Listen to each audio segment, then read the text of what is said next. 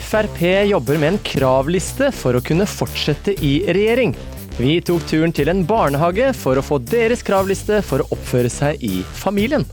Spist godteri, eh, se på TV og sove på sofaen med dyna mi. Og publikummet på norske håndballkamper er så snille at det er ille, sier VG-kommentator om supporterne under håndball-EM. Men er det dette vi vil ha? Han krysser til begge sider. Pipes på Sande Sagosen hele tiden her nå.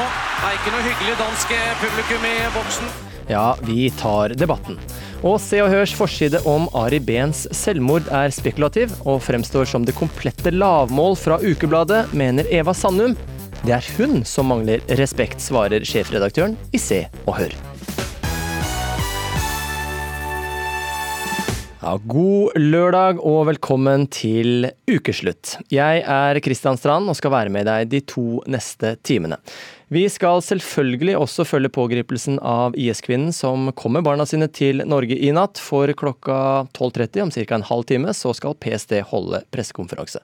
Vi har eh, nå fått en reporter klar der nede også, og det er deg, eh, reporter Emra Senel. Du skal følge pressekonferansen for eh, NRK. Hva er det som har skjedd i natt?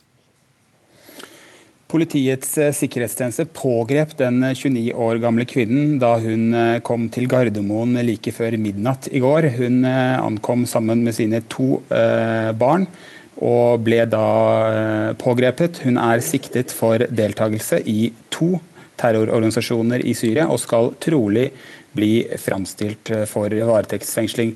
Hun fikk denne gjenreisen på humanitært grunnlag og har eh, senere fått eh, bistand fra helsepersonell og eh, barnevernet etter at hun ble pågrepet. Hun ble, de, ankom, de tre ankom Ullevål sykehus like etter klokken 01.30 i går. og Et av barna ble da båret inn fra en ambulanse til barneavdelingen der og blir fulgt opp for en sykdom som har vært en av grunnene hovedgrunnene til at familien kunne returnere til Norge. Og nå venter vi på at PST-sjef Hans Sverre Sjøvold skal eh, komme og orientere om saken. Det er eh, mange pressefolk her, og det blir stadig flere. og Om en 20, drøy 20 minutter så skal eh, altså PST-sjefen orientere om saken. og Det ventes at han vil si noe mer rundt eh, pågripelsen og eh, ikke minst om eh, siktelsen og hvorvidt eh, hvor dette påvirker terrortrusselen i Norge. Mm. Emra Senel, du skal følge PSTs pressekonferanse for oss her i NRK. Den eh, starter om ca. 20 minutter, som du sier. Så du kommer til å komme tilbake i sendingen. Takk for denne gang. Ja, Vi skal straks snakke om FrPs protester mot egen regjering, hvor Siv Jensen og partiet nå jobber med en kravliste til Erna Solberg for å kunne fortsette i regjeringen. For hvem er bedre på å stille krav enn barn? Vi dro til Veksthuset barnehage i Oslo for å høre hvilke krav de stiller for å være et lydig medlem i familien. Å spise godteri. Å Og se på barne-TV i senga. Og så det tredje det var å leke med Benjamin. Hvem er Benjamin? Det er lillebroren min. Spist godteri, eh, se på TV og sove på sofaen med dyna mi. Og leke med Ola når Ola sover siden av meg. Hvem er Ola? Storebroren min. Dette var kravene fra barna dersom det var de som fikk lov til å bestemme hjemme, og får det ikke som de vil. Ja, da kommer foreldrene til å merke det. Um, jeg ville hoppet i senga når pappa og mamma sover. Leke med mamma og pappa når de sover. Hva ville du gjort da? Skiti. Og så, og så kan pappa snakke i søvne. Reporter her var Dagny Ulland. Blir dere ferdig i dag? Du, Nå skal jeg holde et foredrag på, eh, for Ungdomspartiet, som har en eh, tillitsmannskonferanse. Så det er derfor jeg er her. Hvordan ligger dere an med kravene? Vi eh, jobber på. Ja, det jobbes på, og det var alt Siv Jensen hadde å si til NRKs reporter Maria Knopp om arbeidet med kravlisten tidligere i dag. Men gjennom uken så har vi hørt fra Siv Jensen og andre Frp-politikere at med hjemhentingen av IS-kvinnen og hennes barn, så er nok nok. Vårt beger er fullt. Men så vil jeg et skritt videre, og nå sier jeg at nå må vi enten redefinere dette, få litt uh, mer begeistring tilbake i regjeringsprosjektet, eller så kan vi kanskje finne på noe annet å gjøre. Noen ganger må du som regjering gjøre noen moralsk viktige valg. Vi har gjort det, og for flertallet i regjeringen så var da hensynet til det syke barnet det aller viktigste. Det er ingenting i veien med vårt moralske kompass. Vi ble veldig overraska over Erna som går ut i en sånn sak der en, en holder våre statsråder som gissel i regjering. De får ikke lov til å gå ut og informere sitt eget parti.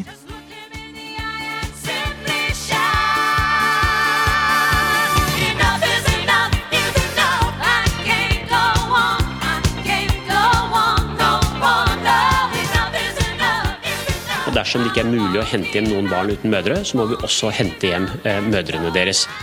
Det er jo ikke noen IS-kvinner som presser Fremskrittspartiet ut av regjering. Ja, nok er nok, hørte vi Donna Summer synge her, mens partileder i Frp, Siv Jensen, fortalte at begeret nå er fullt for partiet i regjering. Velkommen hit til ukeslutt, kommentator i VG, Tone Sofie Aglen, og forfatter av den nye boka 'Politiske skandaler', Kim Arne Hammerstad. Tone, vi hørte nettopp barnehagebarna fremme sin kravliste til foreldrene sine. Er det ikke litt barnslig at Siv Jensen og hennes parti holder på på samme måte? Jo, eller som Erna Solberg ville sagt, hun ville kanskje ikke brukt eh, det ordet, men det er i hvert fall eh, ganske spesielt, for de sitter jo i en regjering, og det er jo ikke så veldig mange måneder siden sist Frp kom med, en sånn kravliste. Men så er vi jo alle veldig spent da, på hva den kravlista inneholder, om det er, eh, om det er litt smågodt, eller om Frp rett og slett vil hoppe i senga, som barnehagebarna sier. ja, for noen måneder siden, altså i fjor, så kom jo da en kravliste fra Frp også, under bompengeopprøret. Hvor forskjellig er dette her, som nå skjer? Det, det som er den store forskjellen, er at under bompengeopprøret så tror jeg også Høyre i veldig stor grad så et behov for å, å gjøre noen endringer. Eh, selv om det så ut som at det var liksom Frp som eh, gjorde eh, krav. Og så Det som også var forskjellen da, at her har du nok mer en sånn reell uenighet innad i regjeringa, mens under bompengeopprøret så var det tross alt Frp og deres samferdselsminister som hadde styrt butikken i, i seks år. Så det var en ganske annerledes situasjon. Vi hørte nå nettopp at Siv Jensen er ikke veldig snakkesalig om kravlisten, men blir det smågodt, som du sier? Hva tror du de ønsker å kreve av Erna Solberg? Nei, jeg tror rett og slett at de ikke helt uh, vet sjøl. For jeg tror vi vil se av den lista om de reelt sett ønsker å forhandle og fortsette, eller om de legger lista så høyt at de, at de ikke vil få gjennomslag. Og da vil det jo på en måte være en slags avskjedssøknad, for de andre partiene har jo ikke så veldig mye, mye å gi. Men jeg tror rett og slett ikke at Frp helt uh, vet sjøl. Og vi har jo hørt rundt i fylkene da, at det spriker jo i alle retninger, de her kravene om alt fra vindmøller og penger til pelsdyrbønder og sånn, så jeg tror mange er spent på hva som havner på den lista til slutt. Ja, det er vi alle egentlig. Kim Arne Hammerstad, du har skrevet en bok nå om politiske skandaler. Du har tatt for deg 41 skandaler i boka. Hvor sannsynlig er det at denne saken her nå blir en skikkelig politisk skandale som kunne fått plass i boka di? Nei, altså Det som er veldig interessant med denne skandalen, det er jo at det egentlig har utgangspunkt i det motsatte av en vanlig skandale, sånn som jeg ser på det. Mm. Fordi at Erna Solberg hun begrunner det med at moralsk, vi har en moralsk forpliktelse til å hente disse, denne jenten hjem. Eh, datteren til IS-kvinnen. Og eh, det er jo helt i motsetning til eh, en skandale som jeg definerer det som er brudd på en moralsk forpliktelse eller en norm. da. Mm. Eh, så, så, sånn sett så tror jeg at eh, det gjør jo det ekstremt spesielt, eh, denne saken. Og, men jeg tror nok at Siv Jensen er nødt til å på en måte bidra veldig på egen hånd. da egen hånd for at uh, dette skal bli en skandale. Ja, hvordan, hvordan, skal hun da bidra? Altså, Hva må til for at det nå skal gå skikkelig skeis? Da tror jeg hun må hisse på seg enda flere enn de som hun allerede har hisset på seg. Da, uh, da kan man f.eks. trekke paralleller til Listhaug-skandalen vi kanskje husker fra 2018, mm. eh, hvor hun, eh, Sylvi Listhaug da eh, postet dette Facebook-innlegget hvor hun skrev at Arbeiderpartiet er mer opptatt av å eh, beskytte terrorister enn rikets sikkerhet. da. Mm. Eh, så jeg tror eh, det må være noe sånt slagkraftig for at det skal bli en stor politisk skandale. Ja, hva tror du, Tone Sofie? Tror du det kan bli en politisk skandale for partiet, eller mer en skandale for Siv Jensen som partileder? Nei, eh, regjeringa har jo egentlig gått fra den ene skandalen til den andre, særlig Frp. Men det her er jo noe så sjelden i norsk politikk i dag, som er sånn reell politisk uh, uenighet. Uh, og det er jo ganske forfriskende, men jeg tror nok ikke at uh, Fremskrittspartiet har vært helt forberedt på den situasjonen, mm. og helt har sett konsekvensene av det de nå har gjort. Så hvis det nå ender med at de går ut av regjering, så vil nok det sette partiet i en ganske kaotisk situasjon, både med hva som skjer med partilederen, og hva som skjer med deres forhold til regjeringa. Hvis man skal eh, peke på noen faktorer for at noe skal bli en skandale, hva må den inneha? Nei, altså Det som jeg tenker eh, som er en eh, parallell her, da, det er f.eks. til Syse-skandalen på 90-tallet. Eller Per Borten i 1971, da. Hvor man har en ganske sånn vaklende regjering allerede. Hvor det gjerne er slitasje, og man kanskje begynner å bli, sånn som Siv Jensen har sagt, det begynner å bli grått og kjedelig. Eh, eh, og hvor det da er gjerne sånn at man, man, nærmest leiter etter en sak, og hvor man kan bare bryte ut og få litt eh, eh frisk luft, rett og slett, fra regjeringskorridorene. Og, og, sånn sett så ligger jo forutsetningene veldig til rette her for at dette kan bli en, i hvert fall en sak som Fremskrittspartiet kan gå ut av regjering, da. Mm. Om det er en skandale eller ikke, det er litt tidlig å si, da. Nok er nok, hørte vi Donna Summer synge. Du sier at uansett hva som skjer i regjeringen og hvor fulle begrene blir, så renner de aldri over. De gjør ikke det, altså? Nei, Vi begynner jo å ha sett ganske mange ganger at uh, fremtredende representanter for regjeringa og regjeringspartiene sier at nok er nok, nå er begeret fullt. Så har vi jo mm. sett at de her begrene har en enestående evne til å aldri renne helt over. Men vi, vi kjenner jo godt det her eventyret om hvetegutten som ropte ulv, ulv. Og jeg mm. tror det er en grense for hvor lenge man kan holde på sånn. hvor lenge kan også... de holde på nå? Er, er det på kanten? Ja, jeg mener at den grensa begynner å bli nådd. Det tror jeg de ser i Frp. og Derfor er man liksom litt sånn spent på, hvis de vil fortsette, hvordan i all verden skal de klare liksom å manøvrere seg tilbake og komme ut av denne situasjonen med æren i behold. Ja. Um, hvordan vil Siv Jensen overleve denne, dette opprøret her, sett ut ifra alle de skandalene du har vært gjennom? Nei, altså Ut ifra eh, det jeg har sett på, så bør hun i hvert fall lytte til, eh, til de som hun eh, nå har fått litt Altså som kritiserer hun offentlig. da. Mm. At hun er nødt til å prøve å bygge en bro mellom de som er på hennes side, og de som er veldig kritiske til henne nå. da. Og, og, på den måten så, så, så, så kan det kan hun kanskje klare, at, uh, klare å unngå at det renner over, men det ser vel kanskje litt mørkt ut akkurat nå. Ja, På mandag så skal altså denne kravlisten fra Siv Jensen og Frp leveres til eh, statsminister Erna Solberg. Så får vi se da om begeret er fullt, eller om nok er nok, eller hva, hva utfallet blir. Tusen takk for at dere to kom hit i ukeslutt. Som vi hørte tidligere i sendingen, det er full regjeringskrise etter at Fremskrittspartiet har truet med å gå ut av regjeringen. Og Årsaken er altså denne 29 år gamle IS-kvinnen og hennes to barn, hvor det ene barnet, en fem år gammel gutt, skal være sykt det er naturlig at dette er en sak som berører og engasjerer eh, veldig mange. Men selvfølgelig hver gang denne saken kommer opp, så går jo på en måte ofrene av IS litt i skyggene for hver gang. Nå er vi på juridisk fakultet i Oslo. Stearinlyset her. Medan politikerne på Stortinget debatterer heftig om IS-kvinner og regjeringsdeltaking, møter jeg Nariman Hame bare et steinkast unna, på juridisk fakultet ved Universitetet i Oslo litt lenger oppe på Karl Johan. Hame er en av flere jesidier i Norge, den religiøse minoriteten som mest av alle fikk kjenne IS vrede etter at terrorgruppa utropte kalifatet i juni 2014. Hun har fått med seg debattene den siste veka. Vi eh, stiller oss ikke bak denne beslutningen. Vi mener det er en feil beslutning. Vi mener at eh, dette her eh, kan bidra til å sette norske innbyggere i fare. Når denne kvinnen kommer til Norge, så vil hun bli straffeforfulgt og vil bli fengsla hvis hun dømmes. Men, og Det betyr at vi har jo full kontroll på denne personen. Dette er unger, de er norske. Og de er små, og de har kommet i en situasjon de ikke kan noe for. Mm. Men Er du glad for å få moren hjem? Det er vel ingen som har ønska seg det kan kanskje være litt frustrerende for meg å se på. Uh, selvsagt med den bakgrunnen jeg har. Uh, når man uh, parallelt med disse nyhetsoverskriftene og krisene ser at jezidier i Nord-Irak fortsatt lider. At de fortsatt ikke har De fortsatt lider konsekvensene av IS, og de fortsatt bor i disse flyktningleirene og fortsatt har familiemedlemmer som er på avveie, og fortsatt lever i dette traumet.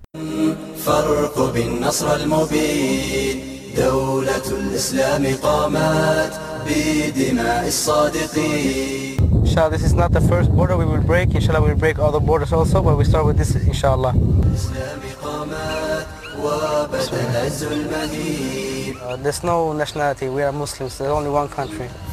Mannen som snakker i en av de aller første IS-propagandavideoene fra Irak om kalifatet, er norske Bastian Vaskes.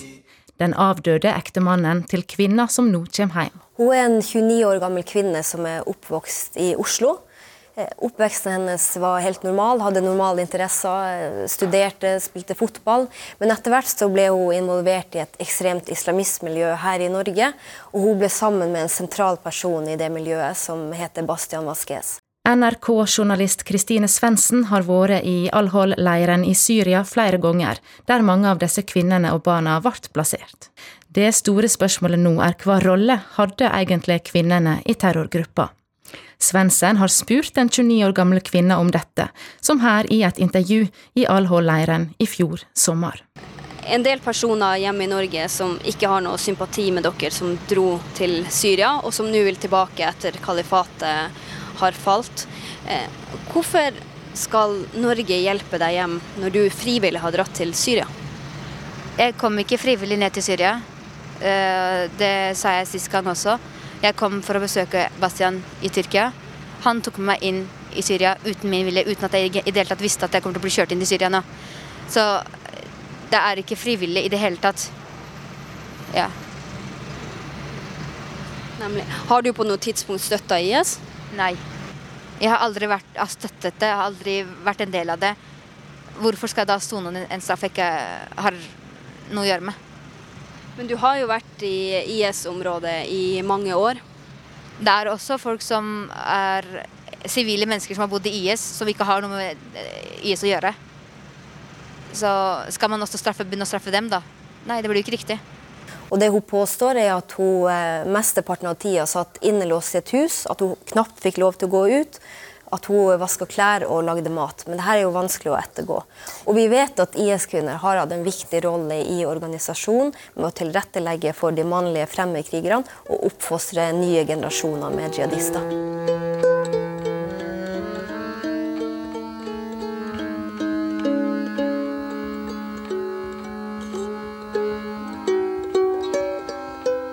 Jeg husker det var i en vinter i februar. Veldig sånn tilfeldig eh, finner jeg at det er en melding til meg. Og leser jeg, og det var fra svigerdatter. Dere har fått et barnebarn. Eh, en gutt som ble født i november. Men det var jo en fin og letelse og en veldig god nyhet for oss. Et barn er jo et barn, og det er jo en glede. Er jo, barnet er jo Guds gaver uansett omstendigheter. Mm. I NRK-podkasten Det svarte flagget har Mario Vaskes tidligere snakka om barnebarna og svigerdattera som han nå får hjem. En som allerede har fått hjem sine sju barnebarn, er svenske Patricio Galves. Svigerfaren til nok en norsk IS-kriger, Mikael Skråmo. Både Skråmo og dattera til Galves døde før barna kom hjem til Sverige. Altså, mine, mine barnebarn eh, mår veldig bra just nå. Galves har hatt kontakt med en av de norske bestefedrene i den saka vi ser nå, og er svært glad for at barna kommer til Norge. Du blir veldig glad, og veldig lettet. Hva er viktig for barna nå? Altså, det viktigaste för for är at de får en ny sjanse i livet. Om rolla hans egen datter spilte i IS, sier han at hun primært fødte barn, men at hun likevel ikke er uten skyld for å ha reist dit frivillig.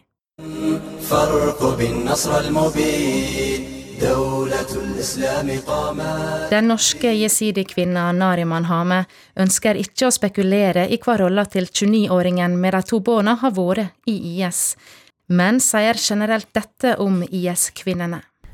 Jeg tror absolutt ikke at de er så uskyldige. Um, jeg tror, så Fakta er jo for det første så har de reist fra Norge og tilsluttet seg IS. Og man vil jo selvsagt ikke spekulere i alles historier, men vitnesbyrd fra jesidi-kvinner forteller jo at mange av de kvinnene var veldig brutale mot, uh, mot, mot dem. I tillegg til at uh, disse kvinnene spilte en veldig stor rolle i propagandavirksomheten. Og de fikk rekruttert mange andre unge kvinner og unge personer til å komme og tilslutte seg IS. Ja, reporter her, det var Andrea Kvamme Hagen. Vi skal rett til PSTs pressekonferanse etter at IS-kvinnen og hennes barn ble pågrepet da de landet på norsk jord i natt. Da ønsker jeg dere velkommen til denne pressebrifen. Og jeg skal gi en redegjørelse for nattens hendelse og det som nå er situasjonen. PST vi pågrep i natt lørdag 18.1 da en 29 år gammel norsk kvinne etter ankomst til Gardermoen. Og kvinnen er siktet for deltakelse i terrororganisasjoner i Syria. Og hjemhentingen har skjedd i det konsulære sporet, hvor PST har bistått Utenriksdepartementet.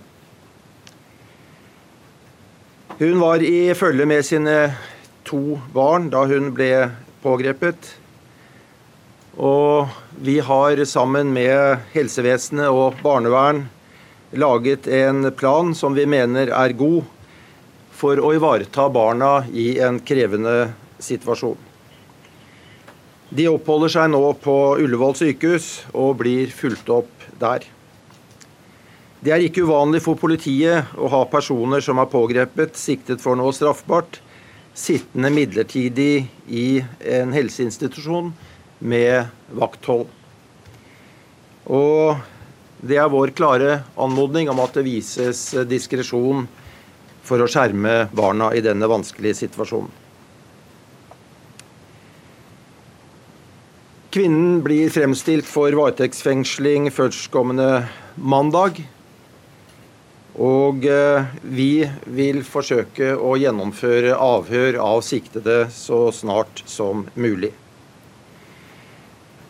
Vi legger selvfølgelig også opp til et godt samarbeid med siktedes advokat. Siktelsen den dreier seg om deltakelse i terrororganisasjon, i dette tilfellet Jabhat al-Nusra og ISIL, i perioden 2013 til 2019. Nå er det heller ikke slik at PST har vært helt uforberedt på at denne kvinnen skulle komme hjem, slik at vi har allerede før hjemkomst begynt å forberede oss på etterforskningen i denne saken. Så har det vært mye diskusjon om trusselbildet knyttet til hjemkomst av denne kvinnen. Og vi anser ikke at denne ene hjemkomsten endrer situasjonen slik vi vurderer det nå, altså den gjeldende trusselsituasjonen. Dette er imidlertid et vanskelig bilde. Vi har flere som sitter i fengsel, vi har flere som slipper ut. Og vi har sikkert også flere etter hvert som kan komme tilbake. Derfor vil dette være gjenstand for en løpende vurdering med hensyn til trusselbildet. Det jeg i hvert fall kan forsikre om, er at de som kommer hjem, de vil bli pågrepet av PST, og vi vil iverksette etterforskning. Det vi også vet, er at kvinnene har vært en viktig del for å opprettholde kalifatet, og vi vet også at kvinner har deltatt i terrororganisasjoner. Det var det jeg hadde så langt. En kort eh, situasjonsrapport slik vi ser det. Og så er det vel åpent for spørsmål. Ja. Hvis du vil få med deg mer fra PSTs pressekonferanse, så gå inn på NRK Alltid nyheter, eller se vår NRK-sending på NRK2. Hvis jeg sier norske publikummere på håndballkamp, hva ser du for deg da? Kanskje kubjeller eller eh, rungende heiarop? Det norske publikummet må skjerpe seg, sier TV3s håndballekspert Ole Ervik. Han etterlyser både piping og buing på motstandere, noe han også fikk under Norges andre EM-kamp i Trondheim denne uken. 1-0 til Norge, så bues det på Frankrike. Nei, men det var ikke denne stemninga i åpningskampen. Og det, det Sånn sett er jo litt snodig å se. Norge snapper ballen fra ja, Leif Welhaven, du er sportskommentator i VG, og du støtter TV3s håndballekspert, hvor han da altså etterlyser mer piping og buing på motstandere. Men hvorfor skal man ha det på håndballkamper? Så dette dreier seg om uh, toppidrett, som altså per definisjon handler om at man innen visse grenser skal gjøre det som trengs for å vinne. Og her mener jeg at publikum uh, på hjemmebane altså, spiller uh, en, en, rolle. Hva kanskje handler om å kunne flytte noen marginer ørlite grann. Og jeg syns kanskje at den norske tribunekulturen tradisjonelt er litt for sånn kubjellekoselig, og at vi godt kan tåle litt mer trøkk og energi, som vi jo ser i veldig mange andre land, og som spillerne på det norske landslaget er vant til fra sin klubbhverdag. Men Så du mener altså at piping og buing er det som skal til for å vinne? Altså, det er jo mange faktorer som i sum gjør om eh, man, altså, man vinner eller taper, men altså, det er jo en grunn til at uh, lag ofte trives bedre på hjemmebane enn på bortebane, altså i ballidretter. Og det har jo en sammenheng med en stemning, psykologiske faktorer, om man føler hvor trygg eller ikke trygg man føler seg, og, så, og, og så videre. Og sånn sett så tror jeg at altså, publikum kan bidra i hvert fall litt, og jeg ser ingen grunn til at den norske tribunementaliteten skal være så koselig og overhøflig som eh, vi tidvis dessverre er. Morten Hagenstuen, du er en eh, gjenganger på norske tribuner og har eh, vært på 20-talls EM og et titalls OL. Er norske supportere for snille, som Welhaven her sier? Jeg tror vi først skal ta utgangspunkt i at vi, alle vi som er glad i håndball og liker håndball og det spillet, vi er enige om at det aldri kan bli et for sterkt eller for stort eller for øredøvende engasjement under kampene til støtte for hjemmelaget. Det må vi være enige her, bottom line. Så kommer jeg til det som jeg ikke liker. Eh, og det er at det er blitt oppfordret til at man skal pipe, skråstrek bue, hver gang motstanderen har ballen. Dette er etter min ringe mening, og jeg har reist til 59 land på håndballkamper verden over. Dette er usportslig og en uting. Ja, jeg har gått i bresjen for å bruke både piping og buing og verre ting enn det når situasjonen krever det. Det er f.eks. bare kort at det vil fremprovosere en passiv avblåsning at vi er dypt og blodig uenig i en dommeravgjørelse, eller at en motspiller oppfører seg mm. surrete dumt. Da bruker man piping og buing som et virkemiddel, men ikke som generell lydbilde under en håndballkamp. Ja, Leif, er det ikke litt, uh, litt vel mye hvis det pipes og bues hele tida? Altså, hvordan, hvordan ville du oppleve det hvis noen drev og peip og buet på deg hele tiden? Jeg tror faktisk at eh, dette langt på vei er et eh, kompliment og ikke en eh, fornærmelse. Og man merker jo nå når du spiller lyd mens, altså, mens jeg snakker, så blir man jo ørlite Ja, ikke sant? Det gjør det øvelse vanskeligere å konsentrere seg. Men.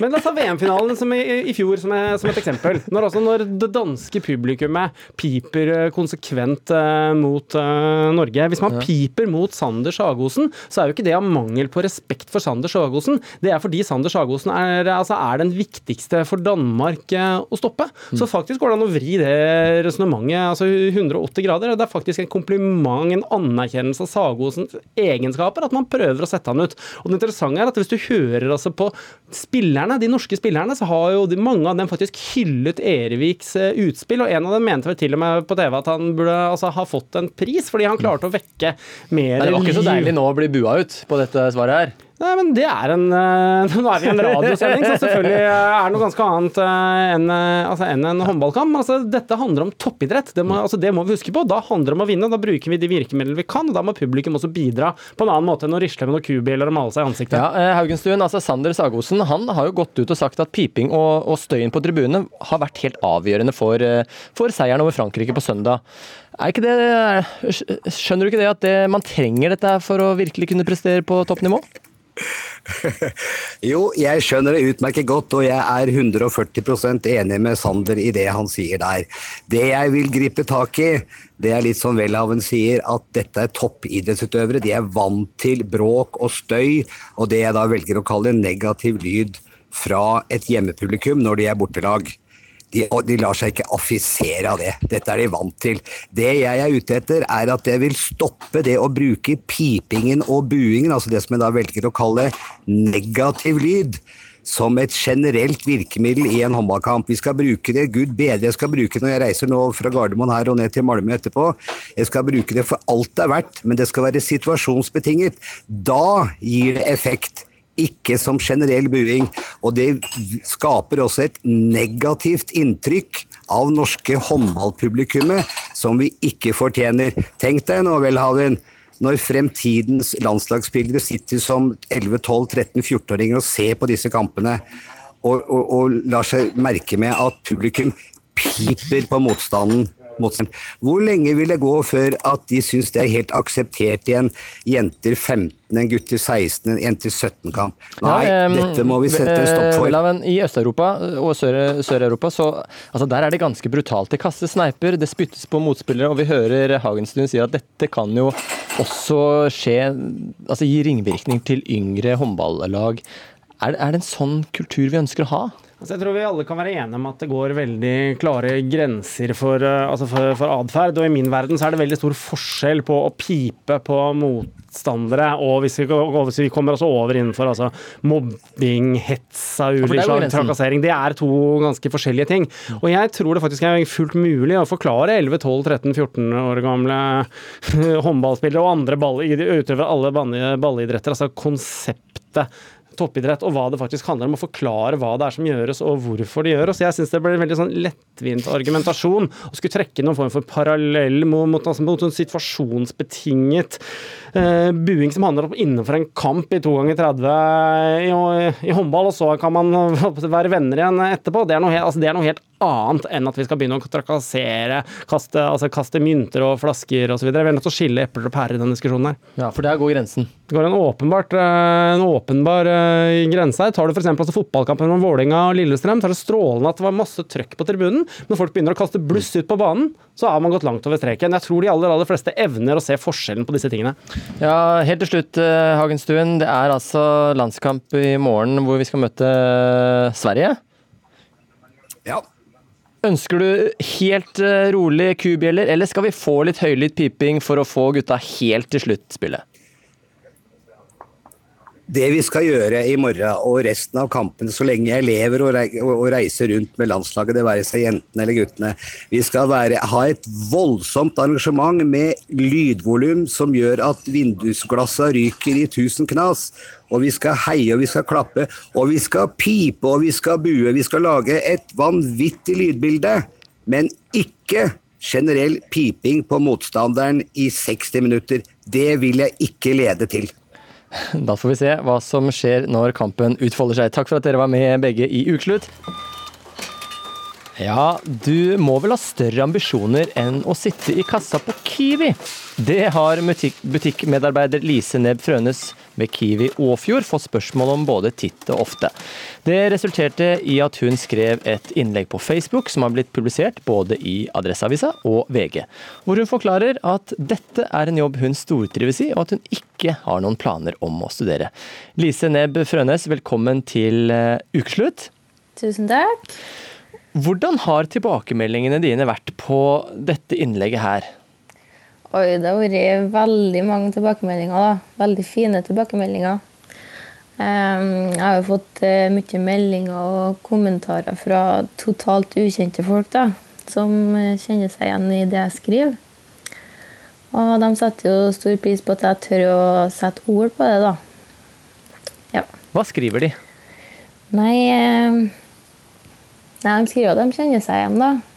At de syns det er tøft gjort til meg å liksom eh, satt fokus på at eh, Ja. Ja, at jeg satt fokus på det, da. Mm. Hva var dråpen for at, for at du ønsket å skrive dette innlegget her?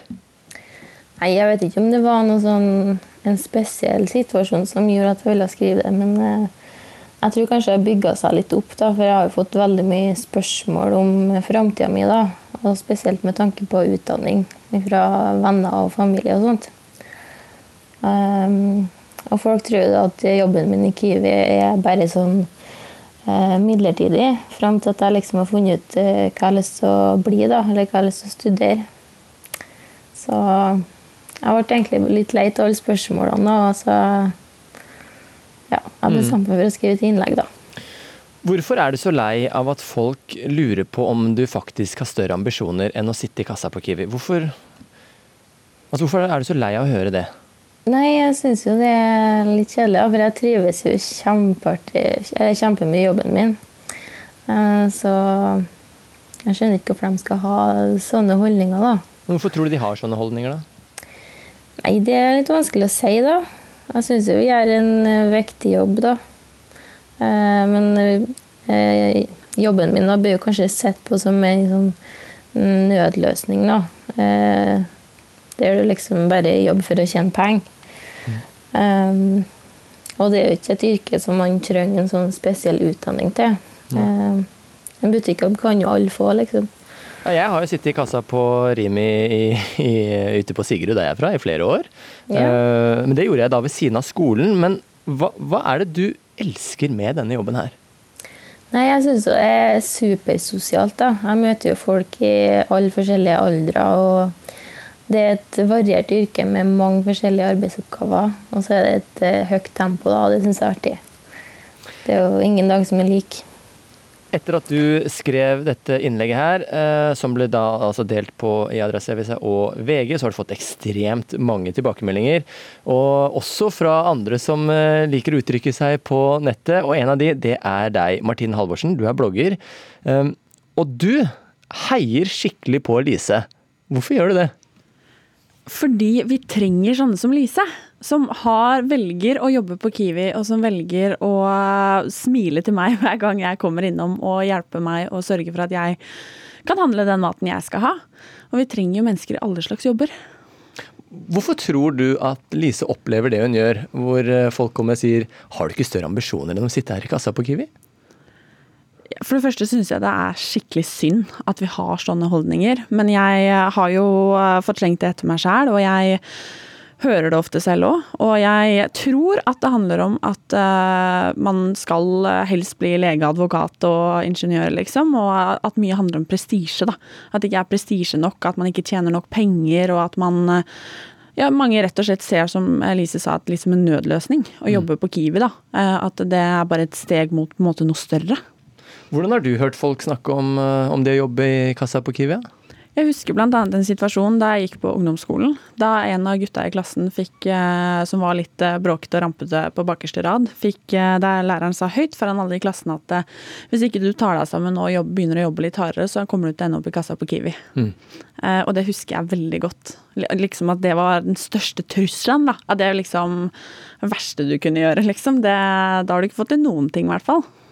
Hvordan, hvordan, hva gjør det med deg, Lise, å høre sånne sånne tilbakemeldinger? Altså at lærere sier at du må jobbe hardere, eller så ender du opp i kassa på Kiwi? Nei, det er jo veldig synd, da. Men jeg har jo fått meldinger fra lærere nå eh, etter jeg la ut innlegg om at eh, eh, det er en del som har slutta med det, da. Og det syns jeg er bra. Hva tenker du skal til for at uh, yrket ditt, uh, butikkmedarbeider eller butikkansatt, skal få større, større anerkjennelse og respekt blant folk flest? Nei, si det, da. Um, det er jo viktig at det blir snakka fram, da. Sånn som det blir gjort nå, tenker jeg. Um, for jeg tror ikke folk liksom er klar over hvor mye arbeid som ligger bak, egentlig. Mm. Mm. I blogginnlegget ditt Martine, så skriver du takk til deg i kassa på Kiwi som ønsker meg en fin dag når ingen andre har gjort det. Um, tenker du på en spesiell episode, eller hvordan Jeg har uh, Nå er jeg veldig glad i, i, min lokale Kiwi, som ligger to minutter unna der jeg bor. Uh, og jeg har blant annet uh, For ikke så veldig lenge siden så var jeg inne på Kiwi og hadde hatt en veldig kjip dag, hadde vært på jobb. Og så sto jeg og egentlig lurte på hva jeg skulle ha til middag. Og så kom han ene som jobba der og klappa meg på skulderen og sa 'fy søren, i dag så du bra ut, Martine'. eh, og jeg bare wow! og tenkte fy søren, det er så lite som skal til, da. Ja. Og litt som jeg tenker at eh, for noen mennesker så er jo det de eneste du møter i løpet av en dag, de som jobber i kassa på Kiwi, liksom. Mm. Og hvor lite det skal til da for å gjøre på en måte dagen til noen bedre, med at man treffer sånne som Lise som smiler og er glad og gir et smil og sier at eh, Eller ønsker deg en god dag, da. Hva tenker du skal til for å få eh, større anerkjennelse og respekt for det Lise gjør? Jeg tenker litt sånn at alle skal gå i seg sjæl og tenke hva vi skulle gjort uten. Det er litt sånn som jeg også skriver i innlegget, at uh, hvis ikke noen tar imot barna dine i barnehagen, liksom, for at du skal kunne dra på den fancy jobben din, hva gjør du da? Ikke sant? Litt at man skal faktisk være takknemlig for de som har de jobbene. For de er kjempeviktige. Vi trenger de. Og liksom, rett og slett at folk skal tenke litt uh, Ja, stille seg selv spørsmålet hva man skulle gjort uten. Hmm. Lise, nå skal du på jobb, og i dag hva er det du kommer til å elske mest med jobben din akkurat i dag? Oi, det, nei, det må nå være å få treffe alle kundene, da. Det syns jeg er kjempeartig. Og hva skal du si til de i dag, da? Skal si hei og smil. og kanskje si hvor pene og fine de er. Ja. Så blir i hvert fall Martine glad. ja, tusen takk for at dere begge var med her i Ukeslutt. Og dere der ute, hvis dere går gjennom, innom en butikk, så si hei og, og vær hyggelig mot de som jobber der. Eksklusivt mamma og pappa Ben om sønnens siste timer. Gripende intervju var hos Ari da han avsluttet livet.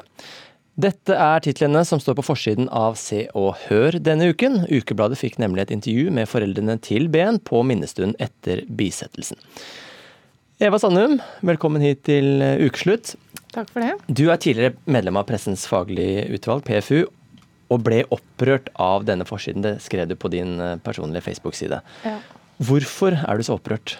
Ja, altså, jeg gjorde hovedsakelig to ting på min uh, Facebook-side. Det var vel på onsdag. Det ene var å kritisere Se og Hørs forside fordi jeg mener den er spekulativ.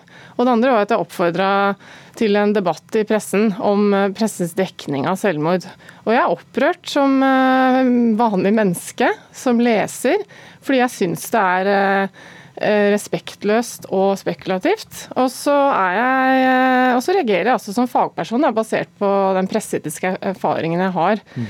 Jeg syns at eh, det er en forside som, som, er Ja, hva skal jeg si? Ja, spekulativ er det riktige ordet. Ja, hva er det som er så spekulativt? Altså, jeg har forsiden her foran her nå. Eksklusivt og var hos Ari da han altså, avsluttet livet. Hele forsiden er dedikert til et komplett familiedrama rundt Ari Ben.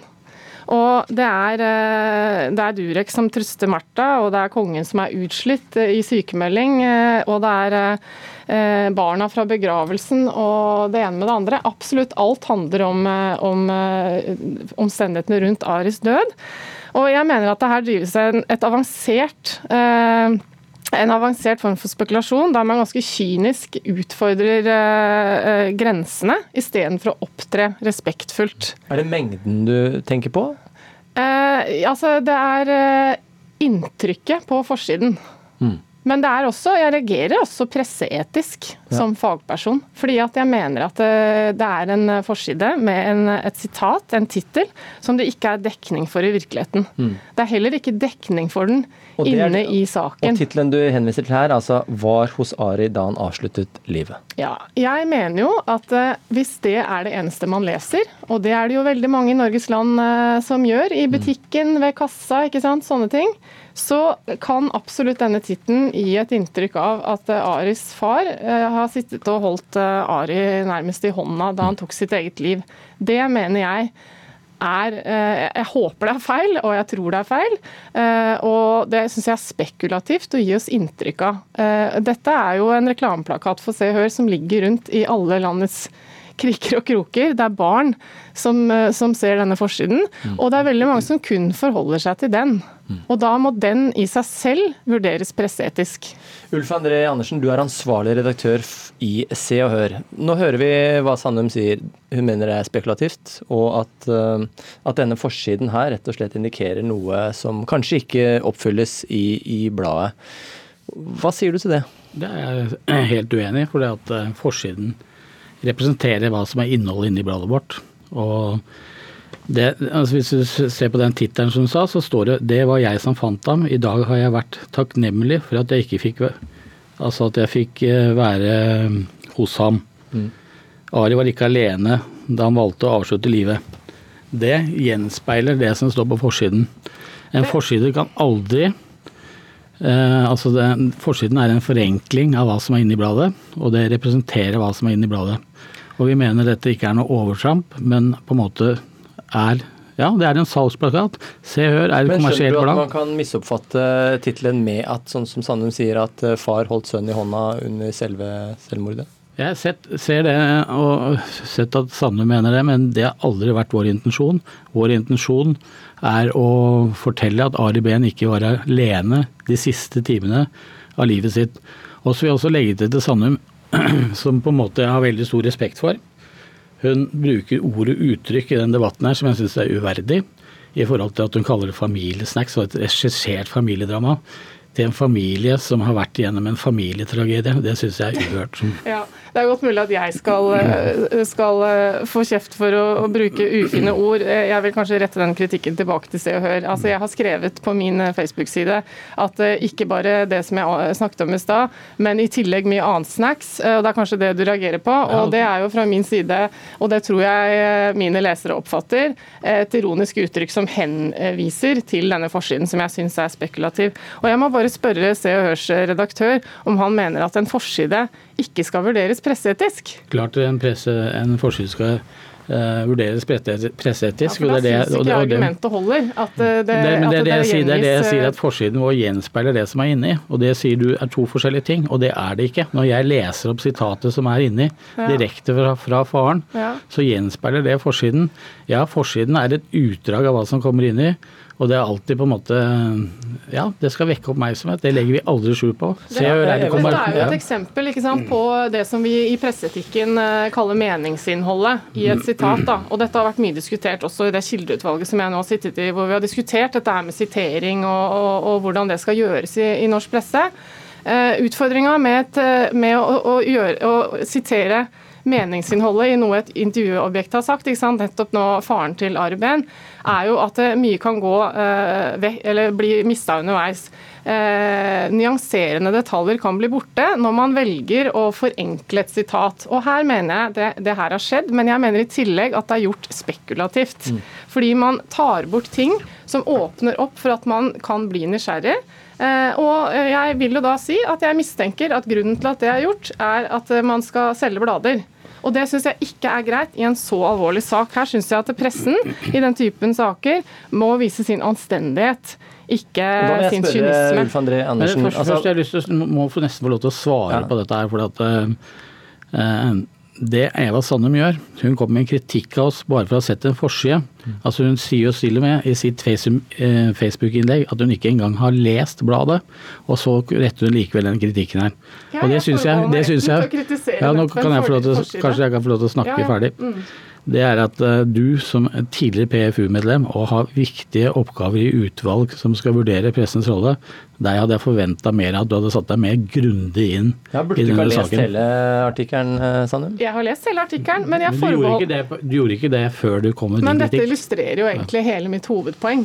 Mm. At eh, en forside på Norges største ukeblad er et presseetisk eh, Altså er et produkt som skal vurderes presseetisk. Hele mitt poeng er at jeg reagerer på forsiden alene. Og så kan vi diskutere artikkelen, jeg har selvfølgelig lest den, men jeg må få lov å reagere på en forside som den, du hadde ikke lest den når du kom med Det kritikken? spiller ingen rolle. Min kritikk Jo, går det, det på forsiden. Det er den jeg syns det er det vi prøver å illustrere her, at det er en sammenheng mellom forsiden og saken inni. Vi lover ingenting på vår forside som ikke står inne i bladet. Det er og det er, presse, og det er det er presseetisk, det som står i Vær varsom-plakaten også, at du skal ha at du skal på en måte tilsvare det som er inne i bladet. Ja, for pressens uh, Vær varsom-plakat, eh, paragraf 3, uh, sier jo at mennesker i sjokk og sorg er mer sårbare enn andre. Hvordan, hvordan har dere vurdert denne opp mot dette, Andersen? Det kan vi også diskutere, men jeg vil gjerne legge til at, eh, at eh, da Redaktørforeningen, som har utgitt denne veiledningen for å omtale selvmord, støtter oss i vår omtale av saken. Familien har en rett, og vi har en dyp respekt for at familien også har rett til å fortelle sin historie. Jeg føler at Eva Sandum prøver å umyndiggjøre foreldrene til Ari Behn, og det er det ingen grunn til. Så dere føler at i forrige Vær varsom-plakaten så har dere tatt eh, ansvar for familien? Altså, dette må jeg få svar på. Dette må jeg få svar på. Jeg, uansett hva foreldrene til Ari Behn har valgt å si og gjøre, så er det ikke noe ansvar hos dem i det jeg kritiserer. Det er pressens plikt alene til å ta et ansvar i hvordan de omtaler selvmord. Eh, det man kan jo ikke gjøre, Uansett om foreldrene til Ari Behn godkjenner en artikkel i Se og Hør og har lest teksten på forhånd, så spiller ikke det veldig stor rolle for meg i denne saken her. For at her handler det også om leserne, hvordan det kommer ut til befolkningen. Og det er pressens plikt til å ta det ansvaret. Det er Så jeg, enig i, at vi har en jeg plikt umyndiggjør ikke foreldrene til Ari Behn overhodet. Det er ingen skyld i dette her. De er jo ikke redaktører i Se og. Hør.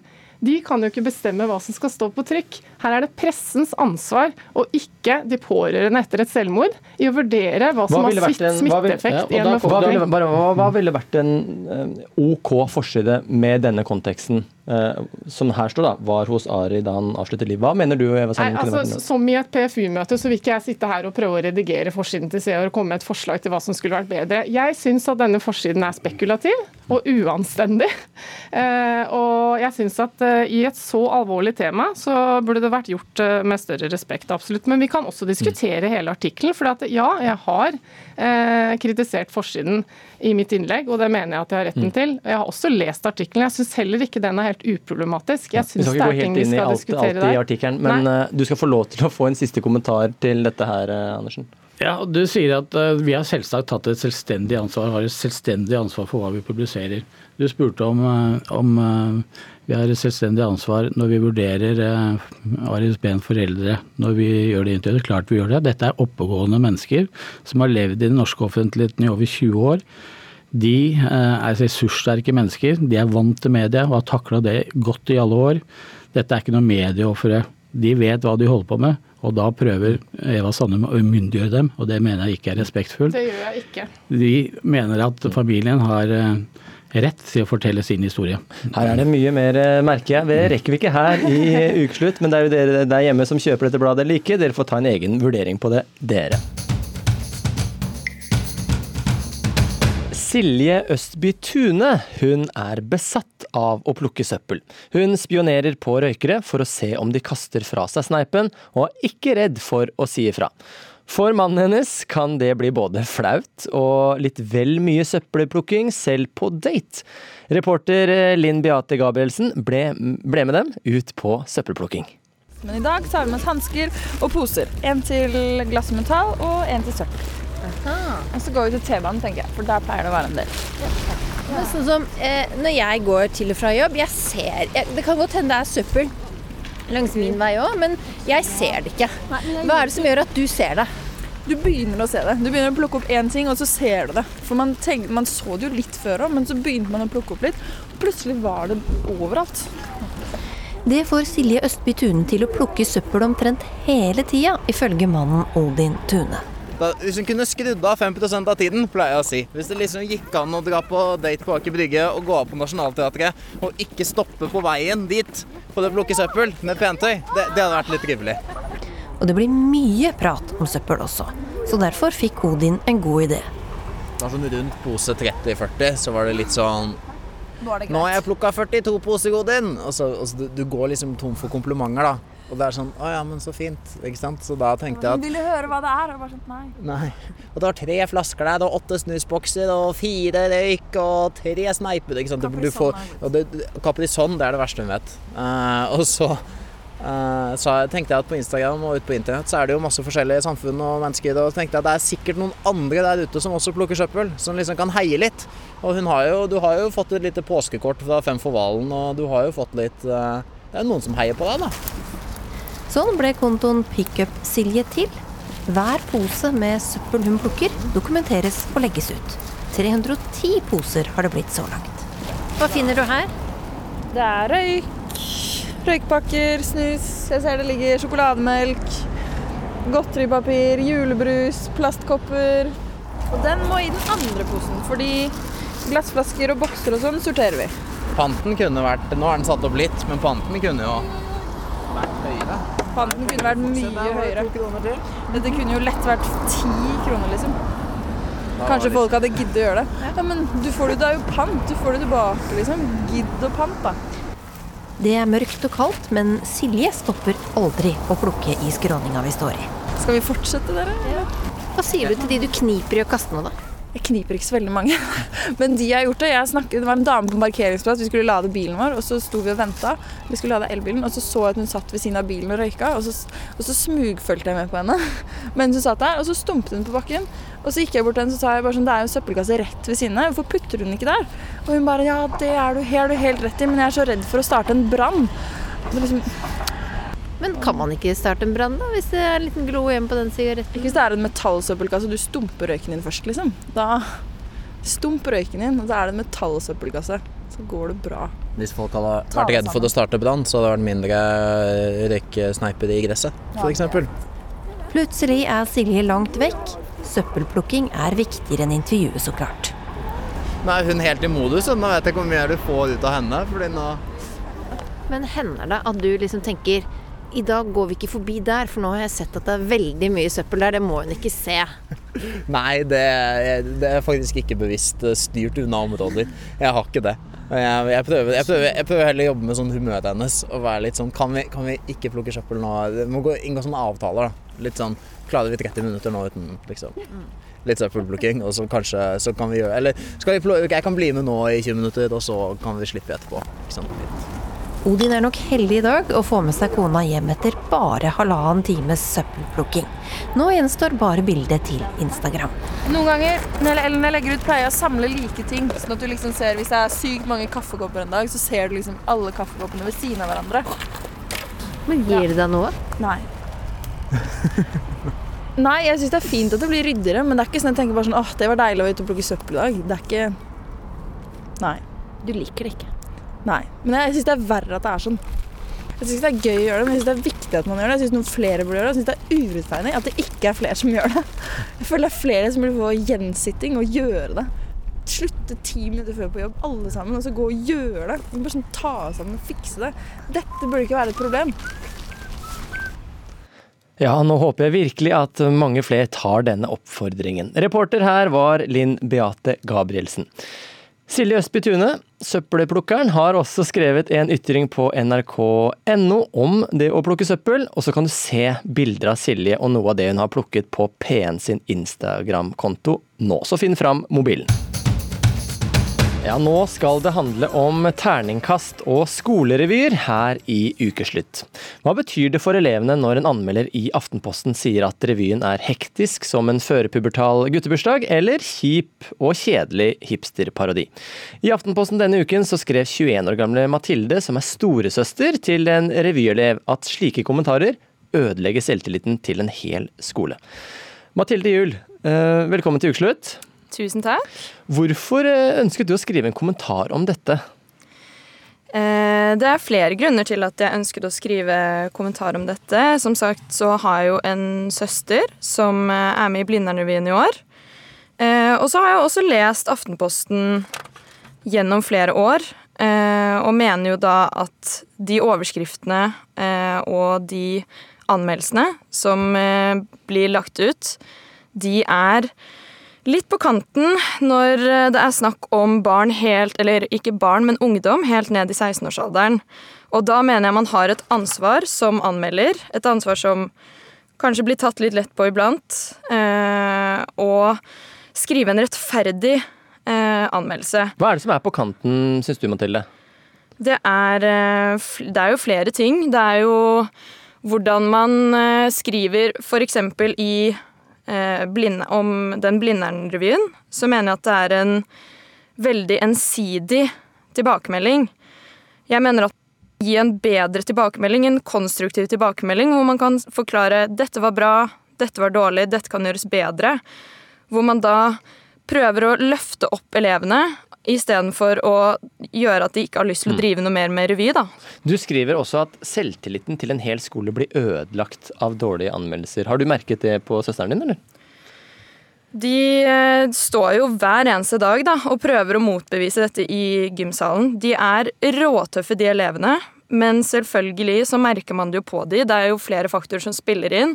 F.eks. er det mye færre mennesker som kommer og ser på revyen.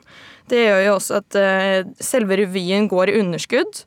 Samtidig som de neste årene vil det kanskje ikke være like attraktivt å være med i revyen, ettersom de har fått dårlig mm. tilbakemelding. Per Christian Selmer Andersen, du er anmelder i Aftenposten og har anmeldt flere skolerevyer hvor du bruker setninger som 'hektisk som en førpubertal guttebursdag' og 'kjedelig og kjip hipsterparadi'. Knekker du selvtilliten blant unge ved å skrive sånt? Nei, eller jeg håper virkelig ikke at vi knekker selvtilliten for eh, alltid. Men det jeg skjønner veldig godt, det er det som Juel sier her, at det er tøft å få en toer, og at det er ja, harde dager på revyen, da. Det skjønner jeg veldig godt. Men jeg har veldig lyst til å si at det vi i Aftenposten, vi anmelder aldri revyer som ikke selv ønsker å bli anmeldt. Mm. Uh, hvis, noen, hvis en skolerevy Vi anmelder 28 skolerevyer i år. Og hvis en skolerevy sier til oss at de ikke ønsker å bli anmeldt, så kommer vi ikke.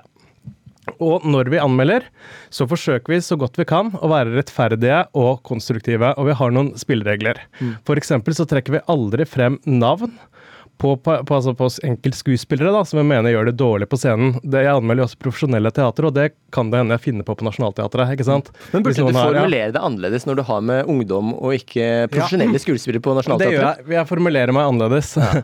og eh, jeg, eh, Nå leser vi opp to eksempler, ikke sant? Mm. og jeg skjønner at de to setningene er ganske ja, kan, kan virke litt tøffe da, for dem som hører dem, men jeg mener at en god anmeldelse er en konkret anmeldelse, en uavhengig anmeldelse og en faglig anmeldelse, en konstruktiv en. Og når jeg skriver at noe er som en hektisk førpubertal guttebursdag, så går jeg jo ikke fra jobb etter å ha skrevet den setningen. Mm. Da går jeg inn på revyen, og så uh, plukker jeg den litt fra hverandre, og så ser jeg på hva er det med denne revyen som gjør den til en hektisk førpubertal guttebursdag. Er det det at det, alle, det er jentene som er i ensemblet, kommer fram?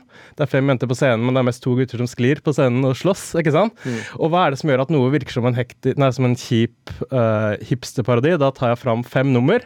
Og så forklarer jeg så godt jeg kan da, disse, eh, hvordan disse fem numrene på en måte påvirker byen. Hva er det som er typisk de fem numrene. Du går ordentlig til verks, med andre ord. Ja, men jeg skjønner at ja. min motdebattant ikke opplever det, det sånn, da. Jeg har respekt for det. Vi skal ta inn en annen eh, inn i ukesluttstudio her. Det er Helene Nissen Lid. Du er psykologspesialist og underviser psykologer på Institutt for psykologi. Men du er også tante til en som fikk eh, slakt i Aftenposten. Og du mener at Selmer Andersen, det han holder på med, er uforsvarlig praksis. Hvorfor er det det? Jo, jeg syns han var veldig, veldig tøff og veldig kritisk. Han er jo selv inne på det her. Han eh, forsvarer seg med at han eh, var balansert og nyansert. Jeg syns ikke det. Eh, jeg var der selv, og det handler om at er både er nærskolen min og eh, min nevø. I går der, det er riktig. Men jeg hadde ikke skrevet dette hvis ikke jeg opplevde to ting. Det ene at jeg syns eh, anmeldelsen er eh, urimelig. Jeg var der og så en gjeng med ungdommer som ga absolutt alt. De hadde gjennomarbeidet hvert eneste nummer. Det satt som et skudd med koreografi, sang, dans. Eh, de hadde en enorm entusiasme, en veldig stolthet. Jeg møtte de etterpå. de var så stolte. De har jobbet med dette siden oktober. Natt og dag, alle ferier, på siden av skolen. Um, og De bryr seg jo mye om prestasjoner i det hele tatt, og gjør det bra på skolen. Jeg syns det er så flott for et skolemiljø og ungdommene våre. Men det de har vel kanskje ikke noe å si med akkurat det de presserer på scenen, hvor glade de er etterpå?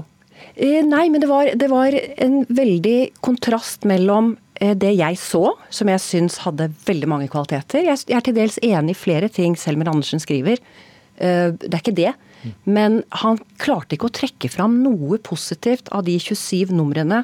Han klarte ikke å se humoren og, og det prisverdige i deres innsats. Han har egentlig vurdert, så vidt jeg kan lese hans anmeldelse, kun manus. Og det, Men som psykolog, men som psykolog som er på en Ja. måte ditt virke, hvordan eh, Hva slags effekt har dette her på, på unge? Ja. Altså Jeg har ikke studert dette inngående, akkurat hvordan, hvordan unge mennesker mottar akkurat dette med terningkast og omtale på skolerevy, men jeg har noen generelle betraktninger. Um, det er nå engang sånn at ungdommer de er eh, iallfall eh, for det meste så, så er de mer usikre på hvem de er, hvilken verdi de har. De eh, har ikke så mye å lene seg på, de har ikke like mye immunitet mot veldig negative tilbakemeldinger.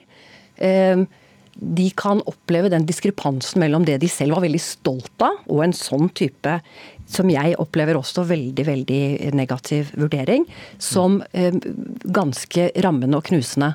Eh, Jeg har møtt ungdommer som terapeut. Jeg vurderer også studenter eh, der jeg jobber, da, Universitetet i Oslo, hvert eneste semester. Jeg vil aldri finne på å være så ubalansert. Hvis jeg, hvis jeg også Mm. syns noe er svakt, så vil jeg være opptatt av å trekke fram eh, det som fungerer. Det er gjerne en blanding.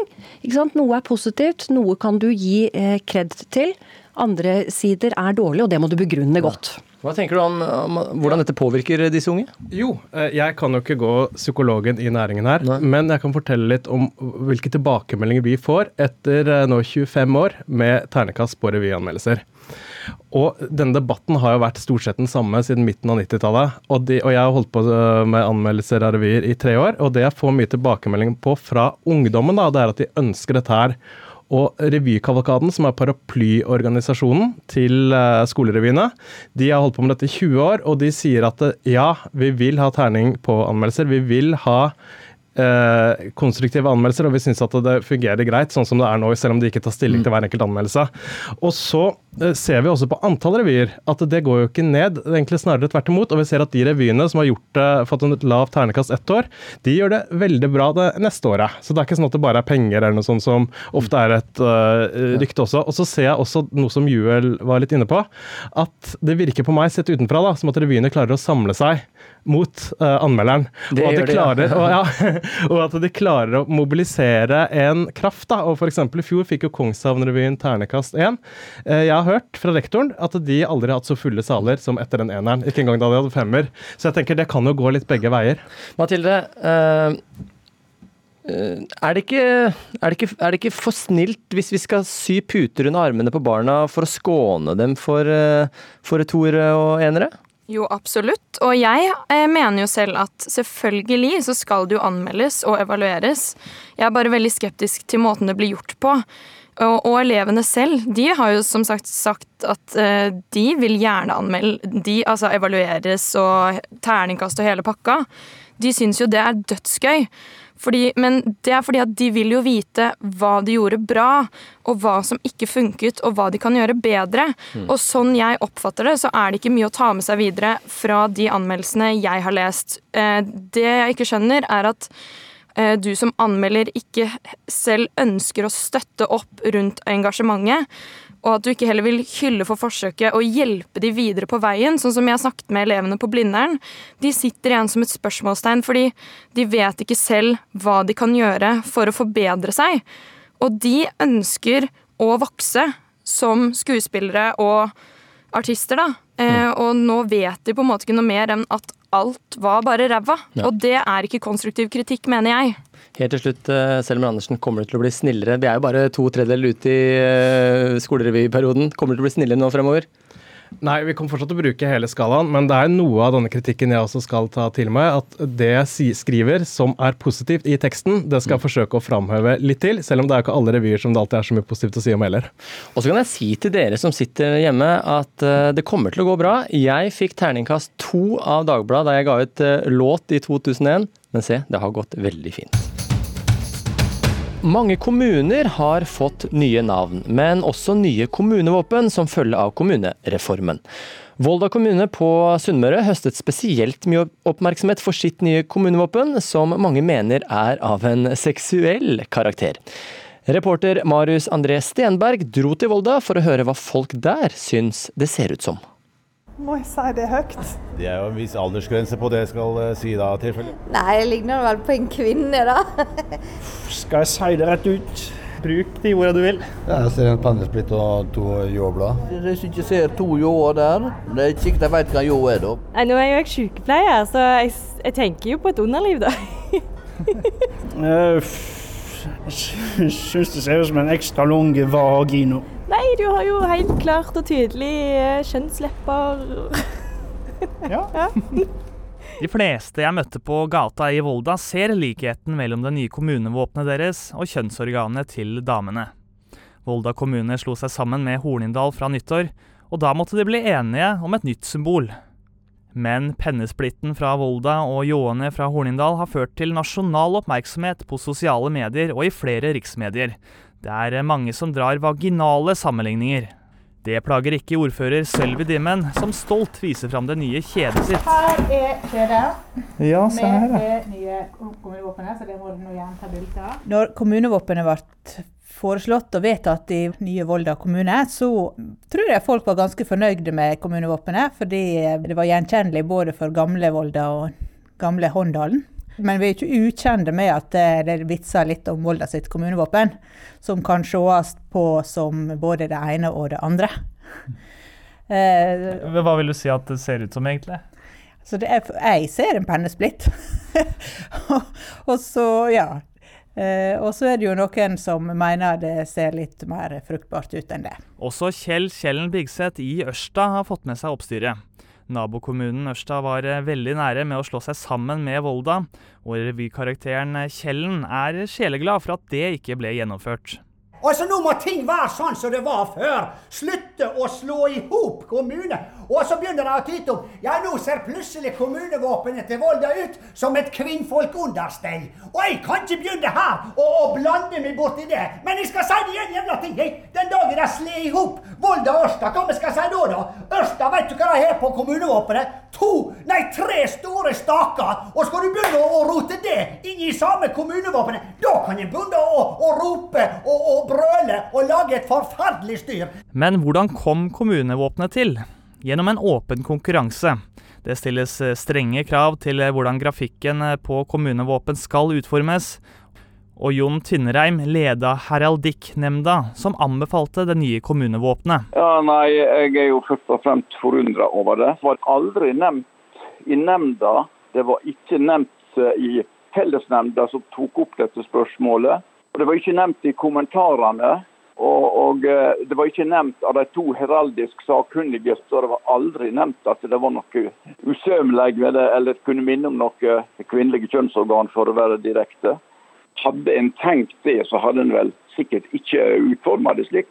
Men i min villeste fantasi så kunne ikke jeg tenke meg at dette her likna på det. Tilbake på gata er de aller fleste godt fornøyde med det nye kommunevåpenet, og tar det hele med et smil. Jeg blir ikke støtt av det, da, for å si det sånn. Yeah, girl power. Ja, jeg syns det er bare artig. Men eh, kan du være stolt av det? Ja. ja. Syns det. Kanskje det er i hvert fall Folk hører jo om Volda, da. Det er jo faktisk veldig mange som ikke vet hvor det er. Du kunne trykt opp T-skjorter og Ja, tips de om det. og humor, det velger også ordfører Sølvi Dimmen å ha. Nei, kan jeg si all oppmerksomhet er god oppmerksomhet. Nei, vi vil ha litt humor. Det har vært en idé å eh, begynne å trykke opp eh, T-skjorter og gjøre dette her til en eh, merkevare for Volda? Det rare er jo at vi jeg har jo nettopp snakka om det før du kom her nå.